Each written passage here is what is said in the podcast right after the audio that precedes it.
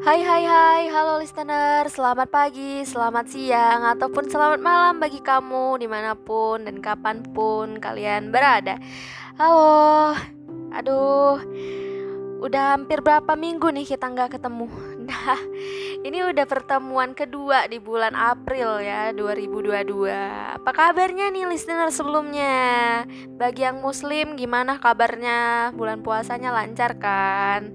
Atau ada yang baru selesai dapet atau sekarang lagi dapet dapat apa Bill dapat kado mending nih kalau dapat ujian ya udah sabar aja ya. Nggak bercanda. Semoga bagi yang lagi menghadapi masalahnya aku doain cepet-cepet selesai dan kalian tetap baik-baik aja. Ada yang beda di rekaman pada hari ini. Apa nih?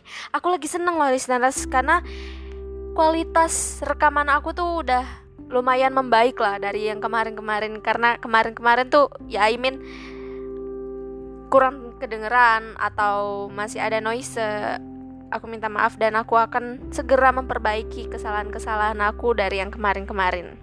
Terima kasih atas support kalian semuanya sejauh ini. Dan di bulan April ini di bulan puasa juga tepatnya aku berharap semua hal yang belum selesai di masa lalu kita dapat segera terselesaikan agar kita dapat berdamai dan menjalani hari kita pada hari ini. Amin. Dan ya selamat menjalankan ibadah puasa untuk kesekian kalinya walaupun rada telat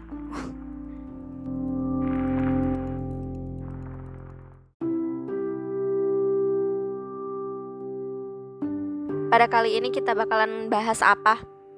Tanpa berlama-lama lagi, aku bila akan menemani kalian di beberapa menit ke depan. So, yeah, enjoy for listeners.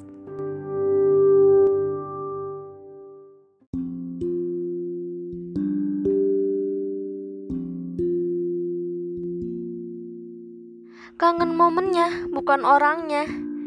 Momen ngomong-ngomong soal momen nih identik sama suatu kejadian di masa lalu ya yang mungkin indah atau menyedihkan atau pilu itu bisa terjadi dan menjadi suatu kenangan yang gak bakal kita lupain.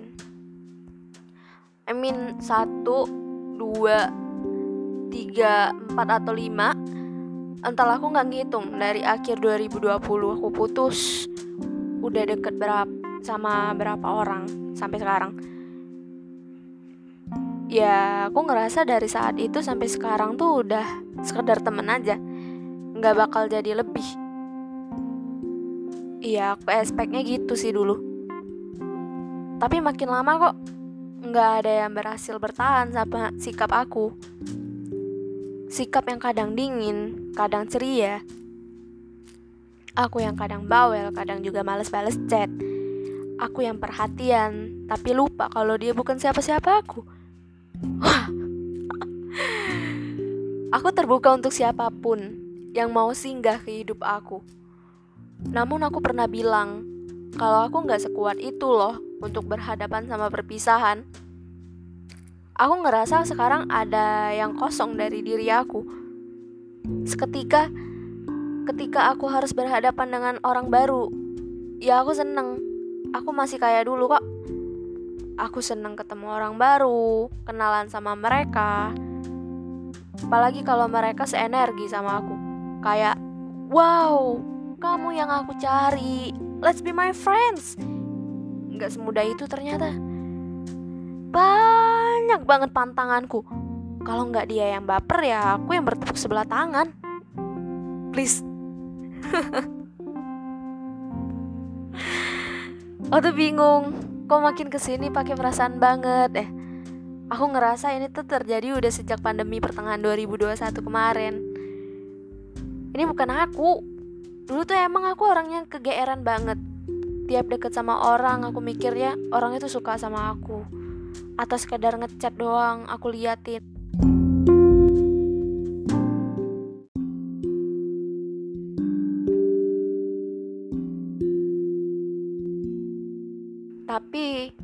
sejak aku jadi mahasiswa psikologi, apa yang aku rasain pasti aku pikirin.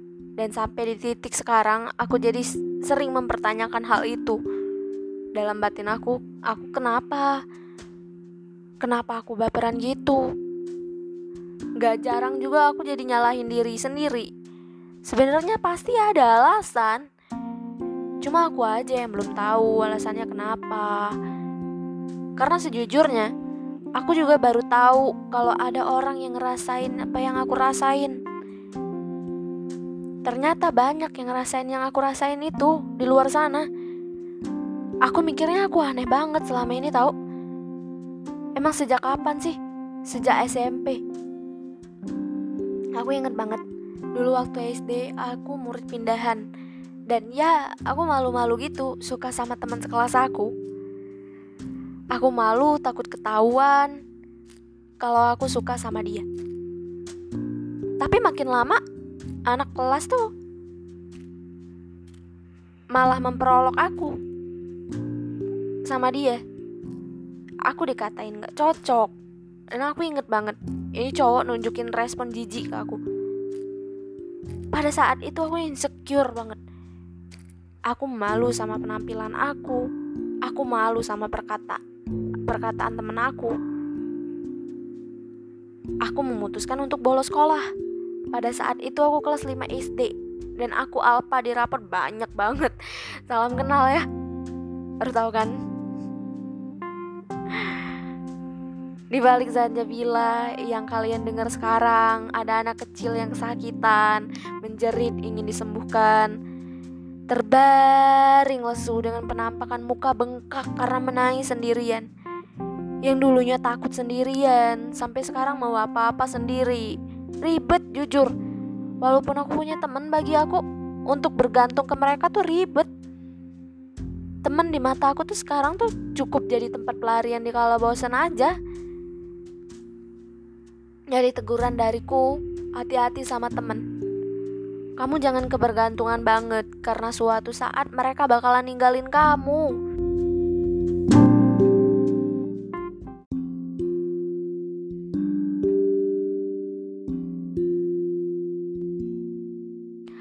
nggak main-main. Aku pernah di posisi sendiri. Karena temenku satu persatu pergi. Bahkan di saat aku ada di titik terendah, orang yang aku anggap temen ternyata malah jadi orang yang paling takut untuk sekedar kenal. aku nggak mau marah lagi. Aku udah selesai dengan hal itu sekarang. Tugasku adalah belajar, belajar, dan terus belajar. Karena orang lain jauh lebih butuh aku ketimbang aku harus ngemis-ngemis buat mereka stay di hidup aku. Dari penolakan yang pernah aku rasain di SD itu, benar-benar ngaruh ke mental aku sekarang.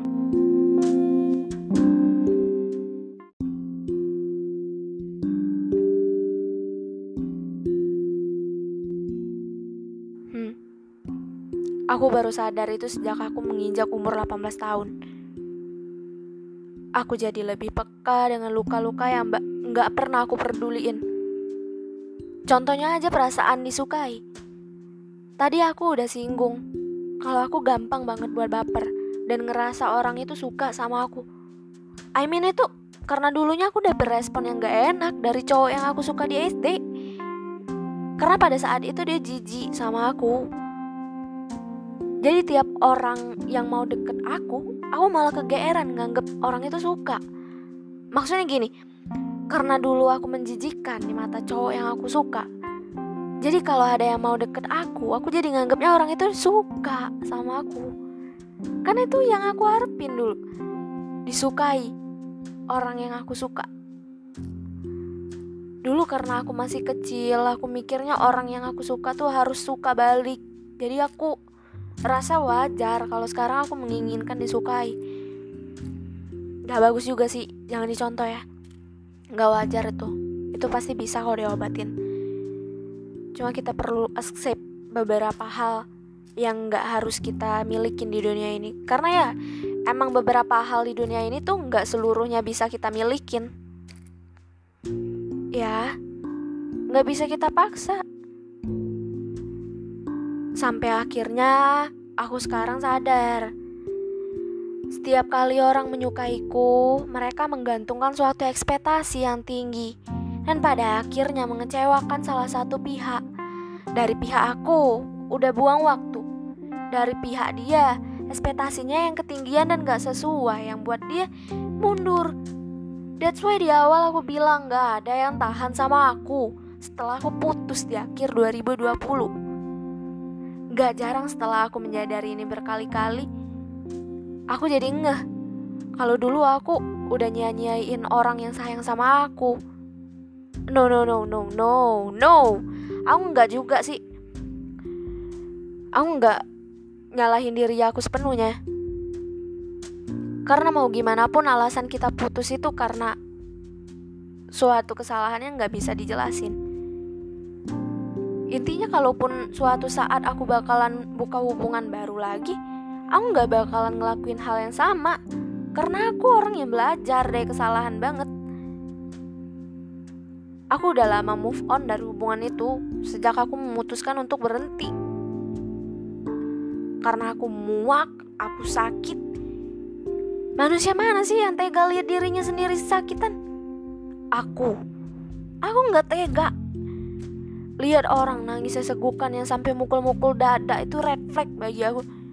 Kayak wow aku pernah di posisi ini. I know that's hard for you.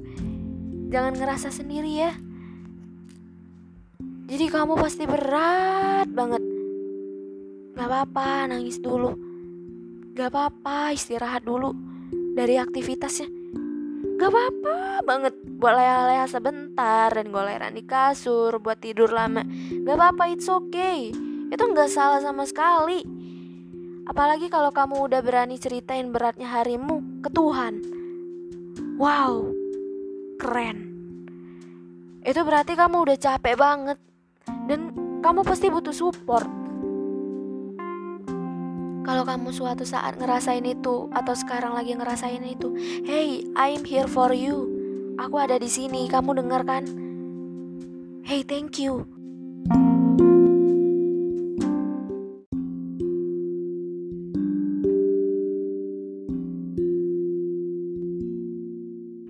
Kamu berharga. Kamu kuat. Kamu hebat udah bisa melewati beratnya perasaan itu dengan kepercayaan dirimu. Terima kasih ya. Terima kasih udah percaya sama diri kamu kalau kamu kuat ngelewatin itu. Everything is gonna be okay. Semuanya bakalan kembali normal. Semuanya bakalan berubah. Gak selalu kayak gini kok. Puk puk puk. Hey, masih denger aku kan? Habis ini tidur ya. Kalau kamu dengerin ini malam, kalau kamu dengerin ini siang, kamu dengerin lagi aja malam-malam sambil direnungkan. Kalau kamu gak sendirian lagi sekarang, aku bakalan temenin kamu setiap satu bulan dua kali di setiap episode, ya. Aku pilih izin pamit undur diri dulu ya. Dadah.